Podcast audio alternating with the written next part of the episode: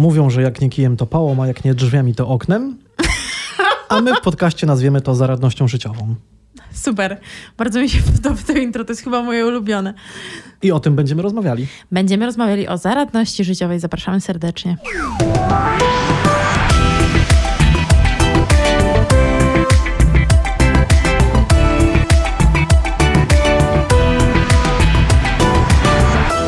To co, rzeczywiście, jak nie drzwiami to oknem? I na tym polega zaradność życiowa? Ja tak uważam, ale nie każdy musi być Aleksandrą Borowską i robić tak jak Aleksandra Borowska, e, więc przyjmuję też inne zdanie. Czasem można kominem. No dokładnie, ja, ja bym się nie zmieściła przez komin, więc to dlatego. Dobra, tak śmieszkujemy, ale tak, zaradność życiowa to, to jest bardzo ważna, taka kompetencja osobista, tak bym to nazwała. Ale to jest umiejętność odnalezienia się w jakiejś sytuacji konkretnej? Czy to jest wykorzystywanie szans? Czy jak to zrozumieć, tę zaradność życiową? Ja myślę, że się... i to, i to, co powiedziałeś, ja bym jeszcze do, dodała y, do tego y, ten kapitał, który y, można w sobie wypracować, czyli zaufanie do siebie i też korzystanie z szans, które daje nam życie.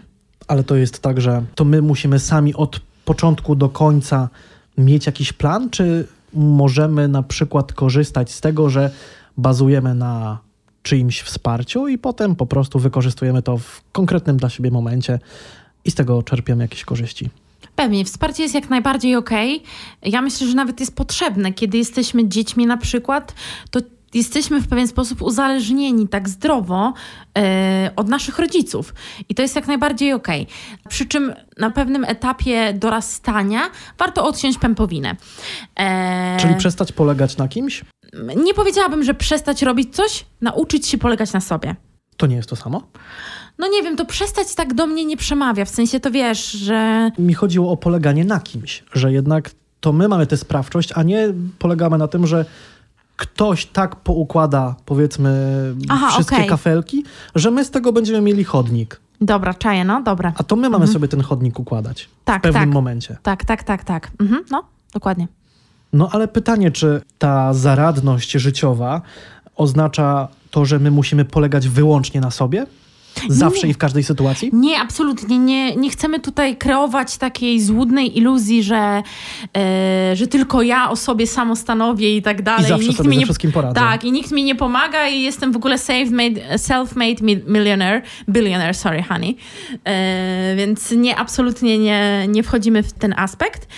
Proszenie o pomoc to jest oznaka siły. I to też chcę Państwu dzisiaj przekazać. Czyli to nie jest tak, że jeżeli sami sobie z czymś nie jesteśmy w stanie poradzić, nie oznacza, że nie jesteśmy zaradni, tylko że są sytuacje, w których po prostu musimy. Tak, albo może... powinniśmy, albo wskazane jest, żeby poprosić o pomoc. Albo dobrze by było. Albo z kimś po prostu współpracować. Tak, tak, wiesz, to jest też tak, że mm, warto zobaczyć, że ktoś może mieć inne zasoby niż ja do rozwiązania tej sytuacji, albo inne spojrzenie. I to też jest zasób. I to jest bardzo fajne, korzystać z wiedzy i doświadczenia innych osób. I to też jest zaradność życiowa, bo uczysz się prosić właśnie o pomoc. No dobrze, ale czy zaradnością życiową jest wykorzystywanie czyichś mocnych stron do osiągania swoich celów. No w końcu tak sobie potrafisz e, zaaranżować niektóre sytuacje być może, że ktoś coś zrobi, a ty za to potem tylko zbierasz laury. Że podpisze się tam Borowska Aleksandra? Niezależnie jak. nie, wykorzystywanie czyichś silnych stron to nie jest to. Tam już wchodzi w grę jakieś cwaniactwo. Jakaś manipulacja. No ale czasem ta manipulacja może jednak się łączyć z taką zaradnością, że to jest trochę wykorzystanie jakiejś szansy. Czyli jakiejś... jak nie w prawo, to w lewo? No, mówiliśmy w końcu, że jak nie drzwiami, to oknem. Mhm. No nie, dla mnie manipulacja to jest zdecydowanie coś, czego bym unikała, bo to jest wykorzystywanie drugiej osoby do, do swoich własnych celów, tak jak powiedziałeś, nie? Nie. Ja daję dużą nieokejkę na to. Czyli nie boimy się prosić o pomoc, ale z drugiej strony też potrafimy czasem współpracować. Tak, też jakby przyczepię się trochę tego, że nie boimy się, można się, można się bać, prosić o pomoc i robić to jednocześnie. Odwaga pomimo strachu. To co trzeba zrobić, żeby nie bać się poprosić o tę pomoc? Albo jak przekonać samego siebie, że czasem naprawdę trzeba o tę pomoc poprosić, to nie jest absolutnie nic złego i nie oznacza to, że z nami jest coś nie tak. Zadać sobie pytanie, co się najgorszego stanie, jeśli poproszę o pomoc, albo co się najgorszego stanie, jeśli nie poproszę o pomoc. Czy odpowiedzią na to pierwsze pytanie jest, że w zasadzie nic złego się nie dzieje, kiedy proszę o pomoc? No na przykład. A czy to poproszenie samo o pomoc, będę się na razie tego trzymał, też jest swego rodzaju zaradnością życiową, bo to jest w pewien sposób znalezienie jakiegoś rozwiązania na sytuację, której nie jesteśmy w stanie sobie przejść sami. Tak, jak najbardziej. No słuchaj, ja jak, nie wiem, pracuję na co dzień, coś robię tak administracyjnie, nie wiem jak wystawić daną fakturę. No to proszę swoją księgową o pomoc. No po pierwsze, tak, jakby jesteśmy w układzie, w kontrakcie, że ja płacę za jej usługi, ale druga jest taka kwestia, że wiem, że jest życzliwą dla mnie osobą i ona mi z chęcią pomoże. No dobrze, ale w tej zaradności życiowej jeszcze takim istotnym elementem jest takie przekonanie o tym, co zrobić właśnie, żeby ten cel swój jakiś osiągnąć. I taka wiara chyba, myślę, w te swoje możliwości, w ten swój potencjał Tak. i w to przekonanie, że mam do siebie na tyle zaufania, że rzeczywiście mogę to zrobić. Tak, zaufanie do siebie, tak uczepię się tego, to jest ogromny kapitał, który, którego każdemu życzę, bo ufać sobie to jest podążać za sobą. To znaczy? To Za swoimi wartościami? No na przykład podążać za sobą też, nie wiem, co lubię, co nie lubię, co mi odpowiada, co mi nie odpowiada, co mam fajnego w sobie, co chciałbym, jedna, na czym chcę popracować. Więc em, W kontekście zaradności to jest taki czynnik, który być może nam podpowiada, że widzę dwa rozwiązania, jest jedno bardziej, drugie mniej etyczne i wybiorę być może to bardziej etyczne, bo to jest bardziej w zgodzie ze mną, z moimi zasadami, moimi e, wartościami. tak, tak, dokładnie. Mhm. Czyli taka też sztuka podejmowania decyzji, wyboru, może nie tyle decyzji. Dokładnie. Ja ci powiem, że e, jest, mam takie karty specjalne, ostatnio studentom pokazywałam i tam wybierali. I w jednym, na jednej jest napisane brak decyzji to też decyzja. To o tyle ciekawe, że ja się czasem łapię na tym, że ciężko jest mi podjąć jakąkolwiek decyzję w momencie, w którym muszę. No ale mówisz w tym momencie, że brak decyzji to też decyzja.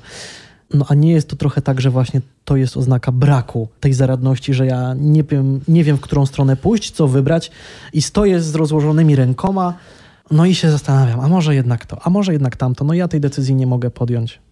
Po jednej sytuacji nie oceniałabym kogokolwiek jako niezaradnego, to od razu ci powiem, życiowo. E, Do tego bym potrzebowała znacznie większego kalibru i większej ilości sytuacji. To do czego się odnosiło to, że brak decyzji to też decyzja? Kiedy można właśnie takiego mm, przekonania nabrać? Fajnie, że mówisz, że to jest przekonanie, bo to jest przekonanie. Można takiego przekonania nabrać wtedy, kiedy jestem tak pasywny, że wydaje mi się, że jak nie podejmę decyzji, to to mnie ominą konsekwencje. Jakiś przykład? Że jak nie odpowiem na bardzo ważnego maila, to znaczy, że problem zginie. Czyli takie uciekanie od problemu, którego Tak. wcale nie rozwiązuje. Tak. To się wiąże z brakiem odwagi? Na pewno, na pewno. Czyli co, żeby być zaradnym życiowo trzeba być odważnym? Wiesz, to są naczynia połączone, tak sądzę, nie? To nie jest nigdy tak, że, że te wszystkie jakieś kompetencje, postawy, umiejętności, że one są tak, wiesz, jakby jedno na drugim biegunie, drugie na drugim biegunie, nie? One się ze sobą łączą. Ale z drugiej strony, wracając do tego maila, na którego nie odpowiadam, nie odpowiadam na niego teraz, bo być może mm, to jest rzeczywiście ważny mail, ale nie wiem do końca, jak tę sprawę pociągnąć, a jak dam sobie więcej czasu, być może druga strona będzie w tym momencie się bardzo niecierpliwiła, kiedy odpowiedź ode mnie dostanie, ale moją zaradnością jest to, że ja sobie potrafię stworzyć szansę na przemyślenie tego, odpowiedzenie wtedy, kiedy będę miał na to gotową odpowiedź. No i pięknie, i masz bardzo ciekawe wglądy, jak tak ze sobą rozmawiamy, naprawdę. ta nasza zaradność albo niezaradność może też mieć związek z tym, jaki ktoś ma stosunek do nas. Mam tutaj na myśli sytuację rodzic-dziecko, że kiedy taki nadopiekuńczy rodzic wiecznie robi coś za swoje dziecko, no to to jego dziecko może wyrosnąć na takie niezaradne, Dokładnie. To jest bardzo dobry, klasyczny wręcz, wręcz przykład takich sytuacji. E, no i to jest straszne, bo później jest taki wychuchany, wy, wymiziany ten człowiek młody e, i nie widzi swojego potencjału właśnie, nie widzi tych zasobów, żeby coś zrobić, coś, coś takiego, co będzie poza jakby strefą komfortu rodziców tak naprawdę. być takim młodym człowiekiem, który zawsze miał wszystko podane na tacy, zawsze ktoś coś za niego zrobił, a on nie musiał nic, dla niego jest jakiś ratunek? On może się tej zaradności życiowej nauczyć, nabyć ją?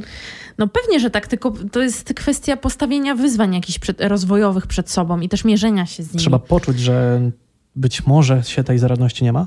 tak, możliwe, że można się skupić na tym, że nie, nie mam tej zaradności życiowej, jakieś takie, wiesz, prześwity yy, samoświadomości mieć, ale nie uważam, że to jest jakieś konieczne, nie? Można po prostu sobie powiedzieć, kurczę, Moja mama wiecznie mi prała skarpetki, suszyła suszarką ciepłą bieliznę, żebym miał ciepłą do spania.